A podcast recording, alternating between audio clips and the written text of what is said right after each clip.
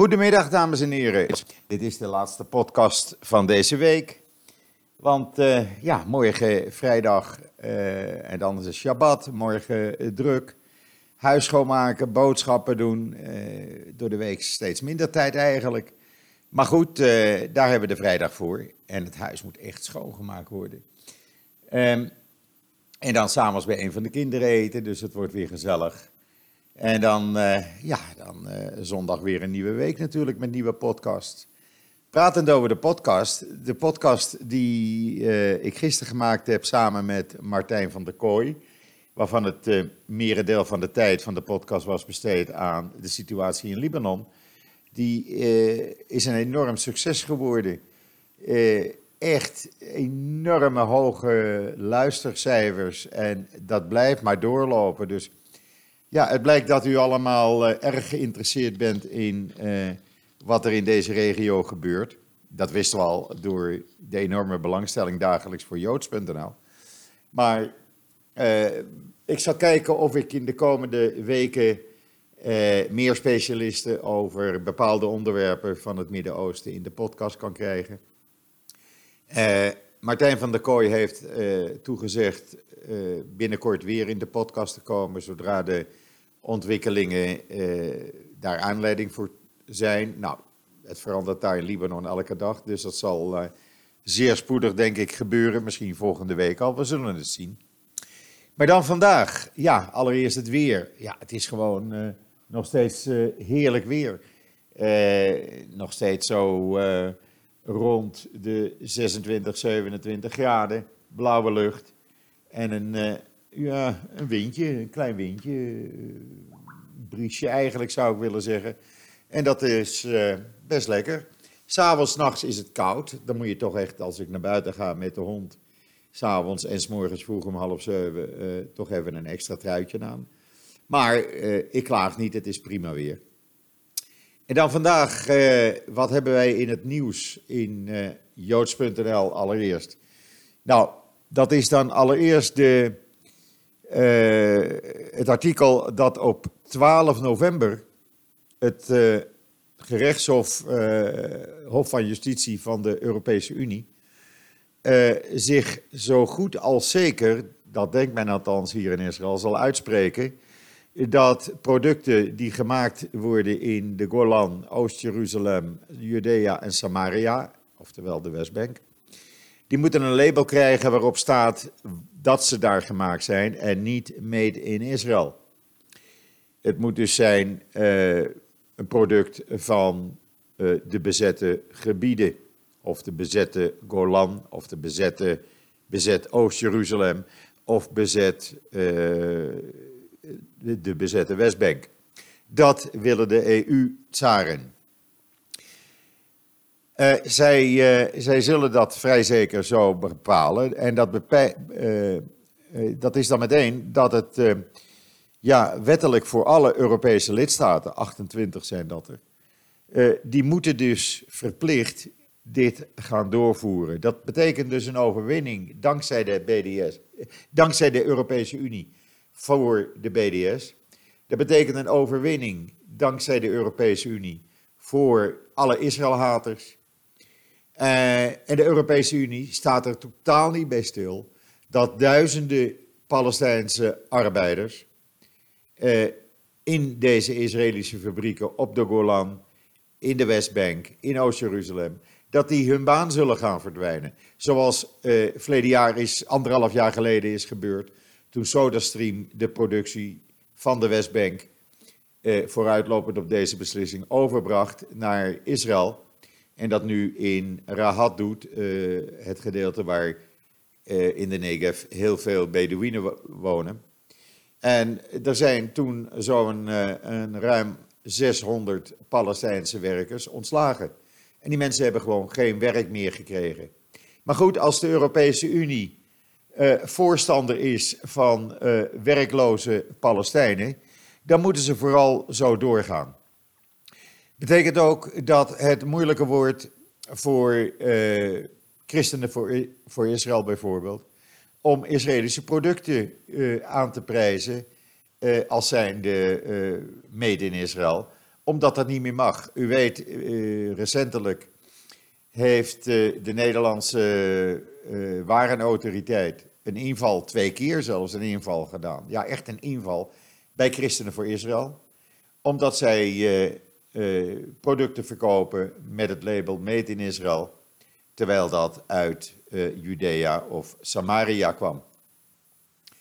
En waarom zeg ik Judea en Samaria? Dat zijn de originele namen voor het noordelijke en, west- en zuidelijke gedeelte van de Westbank. Uh, ooit maakte het deel uit van het Joodse gebied Israël. En ja, ik vind dit een hele slechte zaak. Ik vind dat echt een hele slechte zaak. Eh, de zaak is aangespannen in, eh, eh, een paar jaar geleden, in 2015. Toen Psakot wijnen in Frankrijk van de Franse overheid het label Made in Israël moest verwijderen. Dat wilden ze niet. Daar zijn toen juridische zaken over gevoerd, rechtszaken. Uiteindelijk heeft het, de Franse regering dit doorgestuurd naar het Hof van Justitie van de Europese Unie. Die heeft er dan een aantal jaren over zitten denken. En die gaat dus op 12 november, komende dinsdag over een week, die uitspraak doen.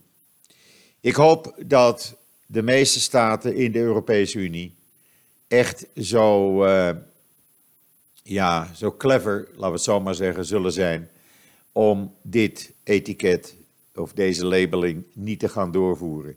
Want ik vind dat echt een grof, een grof schandaal. En nogmaals, eh, wie gaat dat betalen? Al die duizenden Palestijnen die dan zonder werk komen. Gaat de BDS dat betalen? Gaat de Europese Unie dat betalen? Prima. Houd er dan rekening mee, u als luisteraar, dat die werkloze Palestijnen, die dus werkloos binnenkort worden gemaakt door de Europese Unie, dat die betaald worden van uw belastinggeld. Dan weet u dat maar vast. En dan even over de politiek in, uh, in Israël. Uh, ik had het van de week al even genoemd. Er waren die assistenten van Netanyahu die het nodig vonden om de staatsgetuige of de state witness, zoals je dat heet. Ja, ik, ik vind dat altijd moeilijk te vertalen.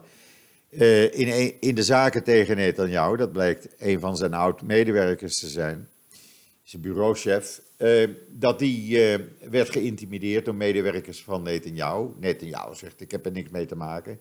Nee, ze zullen het op eigen houtje hebben gedaan. In ieder geval, dat is voor Blue and White een extra probleem, zeggen ze, om te komen tot een eenheidsregering. Want je kan Likud, Netanyahu, gewoon niet vertrouwen. De besprekingen eh, tot nu toe zijn op niets uitgelopen. Vanmorgen was er weer een gesprek tussen beide onderhandelingsteams. Uh, ja, ik weet het niet. Het valt allemaal samen in, het, uh, ja, in een poging van Netanyahu om te proberen geen aanklachten aan zijn broek te krijgen. Eerder gister, dinsdag had de minister van Justitie al een aanval op de openbare aanklagers publiekelijk gedaan via een persconferentie. Hij heeft nu gezegd dat hij waarschijnlijk de openbare aanklagers gaat onderzoeken, want hij verdenkt ze ervan dat ze gewoon bezig zijn om Netanyahu uh, uit het kantoor van de premier te schoppen. Zo zei hij dat. Dus het is een gewoon vooropgezet spel waar Netanyahu de regisseur van is. In ieder geval, vanmorgen zijn die onderhandelaars van Blue and White en Likud weer bij elkaar gekomen. Gedurende een, een klein deel van die gesprekken waren ook Benny Gans en Jair Lapid van Bloem White erbij.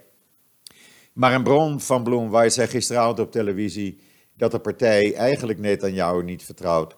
En zij zeggen, wij, wij gaan ervan uit dat hij zich niet gaat houden aan, een, aan de voorwaarden van een rotatieovereenkomst voor het premierschap.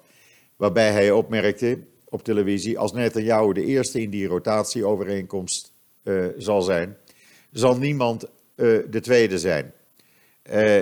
Want we vertrouwen gewoon niet dat hij zich aan die gemaakte afspraken zal gaan houden. als Netanyahu nu geen leider van de Likud was, hadden we een lange regering gehad, zei de bron van Blue and White. Ja, eh, het is een zootje en eh, het komt misschien voor u in Nederland een beetje raar over, maar dit is de politiek in Israël. Kan het ook niet, eh, niet mooier maken. Eh, het is helaas zo, eh, terwijl we echt een regering nodig hebben. En dan heeft eh, de IDF meegedeeld vanmorgen dat alle luchtverdedigingssystemen in Israël in opperste staat van alertheid zijn gebracht. Eh, wegens de angst voor een mogelijke aanval van Iran. Tot nu toe was het zo dat men er altijd van uitging en daar waren de systemen ook op eh, ja, in, in, ingezet eigenlijk. Uh, men ging ervan uit dat de raketaanvallen uit het noorden zou komen, met name Hezbollah. En mogelijk af en toe Syrische troepen uit, uh, of Iraanse troepen uit Syrië. Maar nadat van de week bekend is geworden door Netanyahu nota bene, dat mogelijk Iran van plan is kruisraketten op Israël vanuit Jemen af te schieten, heeft men nu alle systemen zo afgesteld dat ze ook het zuiden, uh, een aanval uit het zuiden uh, kunnen uh, tegengaan. Althans, men hoopt dat. Men heeft alle systemen die er zijn, die heeft men op elkaar afgestemd. En dat is natuurlijk de Iron Dome. Maar daarnaast ook de Arrow luchtverdedigingsraketten, de Patriot-raketten en de Israëlische uitvinding David Sling, eh, die dus specifiek eh, kruisraketten uit de lucht zou moeten kunnen halen. Eh, de Arrow en Patriot systemen die zijn ontworpen om inkomend en inkomende lange afstandsraketten en vliegtuigen te vernietigen. David Sling is voor de middellange afstandsraketten. En het Iron Dome is dan weer voor de uh, korte afstandsraketten en kleine drones. Nou, dat is een heel ingewikkeld proces, zei de luchtmachtbaas. Uh, dus ze hebben daar nog een aantal niet met name genoemde andere systemen bij uh, aangesloten. En bij elkaar zou dat dus mogelijk moeten zijn om een kruisraket vanuit Jemen uit de lucht te schieten voordat die in Israël neer zou vallen. Want wat is het geval met een kruisraket? In tegenstelling tot ballistische raketten, die gaan altijd met een hoge boog naar het doel. Kruisraketten en drones, die vliegen op lage hoogte en zijn daardoor moeilijker te detecteren en te onderscheppen. Eh, dat maakt het dus ook een dergelijke aanval uh, moeilijker.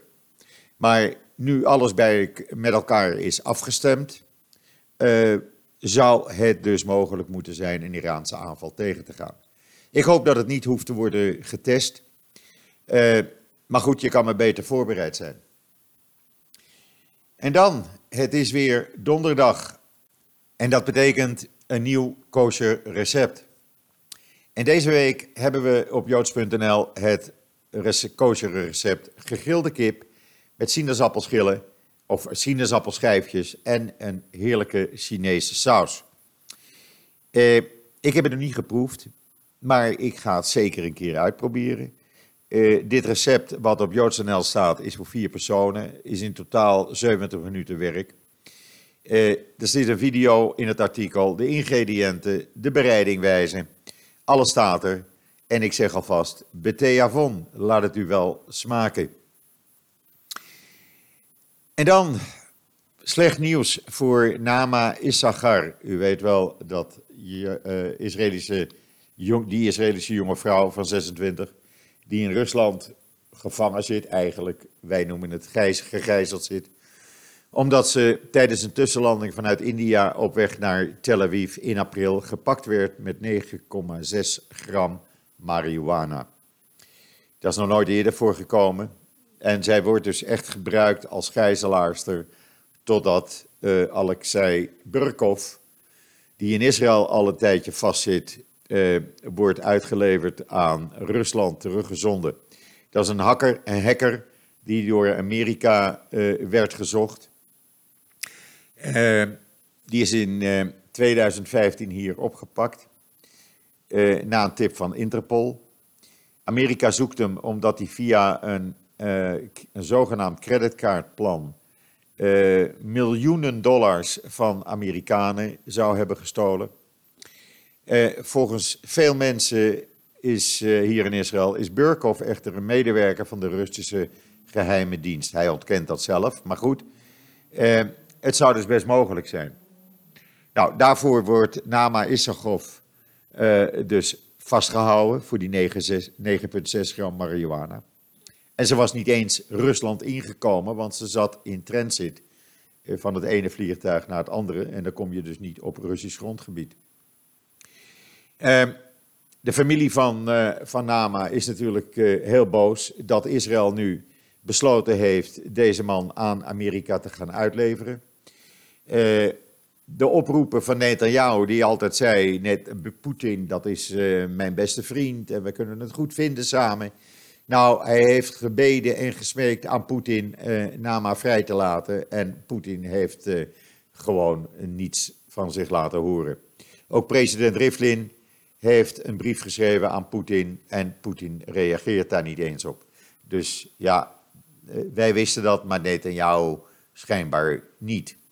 In ieder geval, er is nu sprake volgens de familie dat Nama van een Russische vrouwengevangenis in Moskou mogelijk binnenkort zal worden overgebracht naar een gevangenis in Siberië. Haar moeder was eerder deze week, ondanks toestemming, eh, de toegang geweigerd tot uh, uh, Nama om haar te bezoeken. Men zegt nu dat ze toestemming heeft om morgen te bezoeken. Ik hoop het voor haar. Het is een vreselijke nachtmerrie waar deze mensen in verzeild zijn geraakt. En alleen maar omdat Netanyahu het niet nodig vond deze Burkov terug te zenden naar eh, Rusland. Eh, ik zou het wel hebben gedaan. Dan had deze jonge vrouw hoefde niet langer eh, zo te lijden. Ze spreekt geen Russisch. Ze probeert zich op de been te houden. Ze krijgt geen kosher eten. Het is gewoon een verschrikking. U kunt haar verhaal trouwens in verschillende artikelen op joods.nl terugvinden. En ook dit natuurlijk staat weer op joods.nl. En dan de Amerikaanse FDA. U weet wel, uh, de FDA die bepaalt of medicijnen wel of niet worden toegestaan in Amerika. Die gaat zeer waarschijnlijk binnenkort een kantoor openen in Israël. En dan zult u zeggen, waarom doen ze dat in Israël? Nou, er zijn natuurlijk honderden, honderden uh, biotechbedrijven en medische technische bedrijven uh, in Israël die allerlei uh, bijzondere uitvindingen doen op gebied van medicijnen, op gebied van medische zorg, et cetera, et cetera. En er is een bespreking geweest afgelopen week onder andere tussen de Amerikaanse minister van Financiën Mnuchin, die hier was, met Marius Nacht, eh, die is medeoprichter van Amoon. Dat is een uh, life sciences en health venture capital bedrijf. Erg groot, erg succesvol. En uh, het zou zomaar kunnen dat binnenkort dus een, een afdeling van de FDA in Israël wordt gevestigd, waardoor het besluit om iets toe te laten op de Amerikaanse markt, wat dan vaak door allerlei andere landen ook wordt gevolgd, veel simpeler is. Je hoeft er niet meer voor naar Amerika, je kan het dan in Tel Aviv of Jeruzalem of waar ze dan ook komen met dat kantoor, kan je dat gaan regelen. Dus zou een goede zaak zijn. En dan een leuk uh, bericht, een leuke opsteker voor een jonge Israëlische ontwerper van mannenkleding. Uh, het uh, Mener, die deed onlangs als eerste Isra Israëliër mee aan de Karel Lagerveld, Lagerveldprijs voor jonge modeontwerpers. En, tot zijn grote verbazing, won hij die. Hij won een prijs bestaande uit 150.000 euro, ja ja, plus bedrijfs- en ontwerpondersteuning door enkele van de grootste namen in de modewereld. Dus een goede opsteker, een leuke opsteker ook voor deze jonge Israëlische modeontwerper. Mazeltov, zeggen wij dan. En dan in Jeruzalem. Uh, er is een uh, groot tekort aan uh, begraafplaatsen. of plekken waar mensen begraven kunnen worden. Uh, er sterven in Jeruzalem jaarlijks 3500 mensen gemiddeld. Volgens de Joodse wet mag een Joods graf nooit geruimd worden. Dat mag niet, dat kan niet, gebeurt ook niet. Dus ja, wat gebeurt er? Op een gegeven ogenblik is er bijna geen grond meer, want grond in Israël wordt ook schaars. Men heeft nu een, uh, een oplossing gevonden uh, door een ondergrondse begraafplaats te bouwen. Die is nu geopend. Uh, het eerste gedeelte. Het wordt een begraafplaats 50 meter onder de grond. En die is onder de grond van de huidige begraafplaats. En mensen die wel eens naar Jeruzalem zijn gereden vanuit Tel Aviv, die kennen deze plek. Zodra je uh, Jeruzalem uh, nadert, zie je aan je rechterhand een grote berg met allerlei graven. Dat is de grootste begraafplaats van Jeruzalem. Daar liggen bijvoorbeeld de ouders van mijn uh, overleden meisje bij, liggen daar ook. En ja, men is 50 meter onder de grond dus een begraafplaats gaan maken, verschillende etages. Er kunnen in totaal 24.000 mensen begraven worden. Het zou dus voor zo'n uh, zeven jaar voldoende zijn, uh, de komende zeven jaar. En de eerste 8000 meter is nu klaar. 8000 graven zijn nu klaar. Het zijn tunnels met een lengte van 1,6 kilometer in totaal. Er zitten natuurlijk liften. U kunt het allemaal zien in een video in het artikel op joods.nl. Uh, en dan zult u zeggen, ja, maar over een uh, 7, 8, 9 jaar is dat ook weer vol. Ja, klopt. Er zijn nu ook uh, overwegingen om te kijken of men toch ergens in de woestijn, in de Negev bijvoorbeeld, een groot gebied als begraafplaats moet gaan inrichten. Want ja, je moet natuurlijk wat op een gegeven ogenblik. En ik zie dat ook op de begraafplaats waar mijn geliefde is begraven. Ja, daar, daar, op dat gedeelte waar zij begraven was, of is, uh, toen zij begraven werd een jaar geleden, ruim een jaar geleden daar, ja, het was helemaal open en nu is dat gedeelte ook alweer vol. Dus ja, dat gaat hard natuurlijk. En dan uh, op mijn Twitter-account, een jaar geleden werd mevrouw Khalida Yarar vrijgelaten door Israël. Maar die is vannacht weer opgepakt. Zij is een belangrijk uh, lid van uh, het Popular Front for the Liberation of Palestine. En ze wordt nu verdacht van betrokkenheid bij terreuraanslagen. Ja, uh, zo gaat dat. En dan de hond, die uit Nederland afkomstig bleek te zijn en die een belangrijke rol speelde bij de overval op de plek, het huis waar ISIS-leider al-Baghdadi van de week zat. Die hond die wordt volgende week door president Trump persoonlijk op het Witte Huis ontvangen en welkom geheten. Hij zal waarschijnlijk een medaille krijgen of iets dergelijks. Trump heeft inmiddels ook zijn naam bekendgemaakt en die was classified. En de naam van de hond is Conan. Eh, toevallig hoorde ik gisteren het programma Bert op 5 op Radio 5. Ik vind dat altijd een leuk programma zo aan het eind van de dag, want dan is het bij mij al na vijven. En die had de man in de uitzending die deze hond had opgeleid en eh, ook verkocht aan de Amerikanen. Eh, die man heeft een bedrijf, maar die wist ook niet de naam. Nou, eh, meneer Bert Kranendonk van Radio 5. De naam is dus Conan. Dan weten jullie dat ook weer. Via Israël is dat dan eh, bij jullie eh, terechtgekomen. Uh, ja, uh, dat brengt mij alweer. Ja, nee, toch nog één dingetje. De Palestijnse leiders. Die zijn zo blij als een kind met de boycott van Israëlische producten door de gemeente Oslo. U weet de gemeente Oslo, ik heb u dat gisteren gezegd. Die had, uh, heeft bekendgemaakt dat zij geen producten uit de Golan, de Westbank of Oost-Jeruzalem willen hebben. Eh, want dat is gemaakt in bezette gebieden en daar willen zij niets mee te maken hebben. Nou, het zij zo, meneer Abbas en consorten is daar enorm verheugd over. Heeft de gemeente Oslo ook bedankt.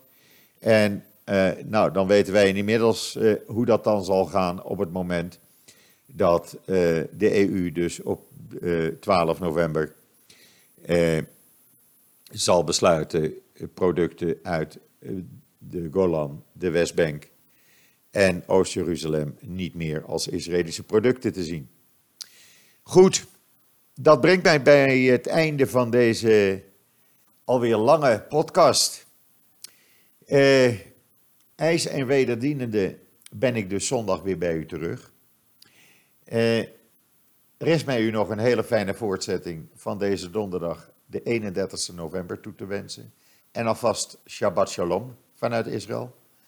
Ik hoop dat het eh, recept wat op joods.nl staat, dat u, eh, of een aantal van u dat gaat maken. Laat me dan even weten via Twitter of hoe dat smaakt en of het uh, lekker was. En wat mij betreft zeg ik dan met een kleine verandering: tot ziens, tot zondag.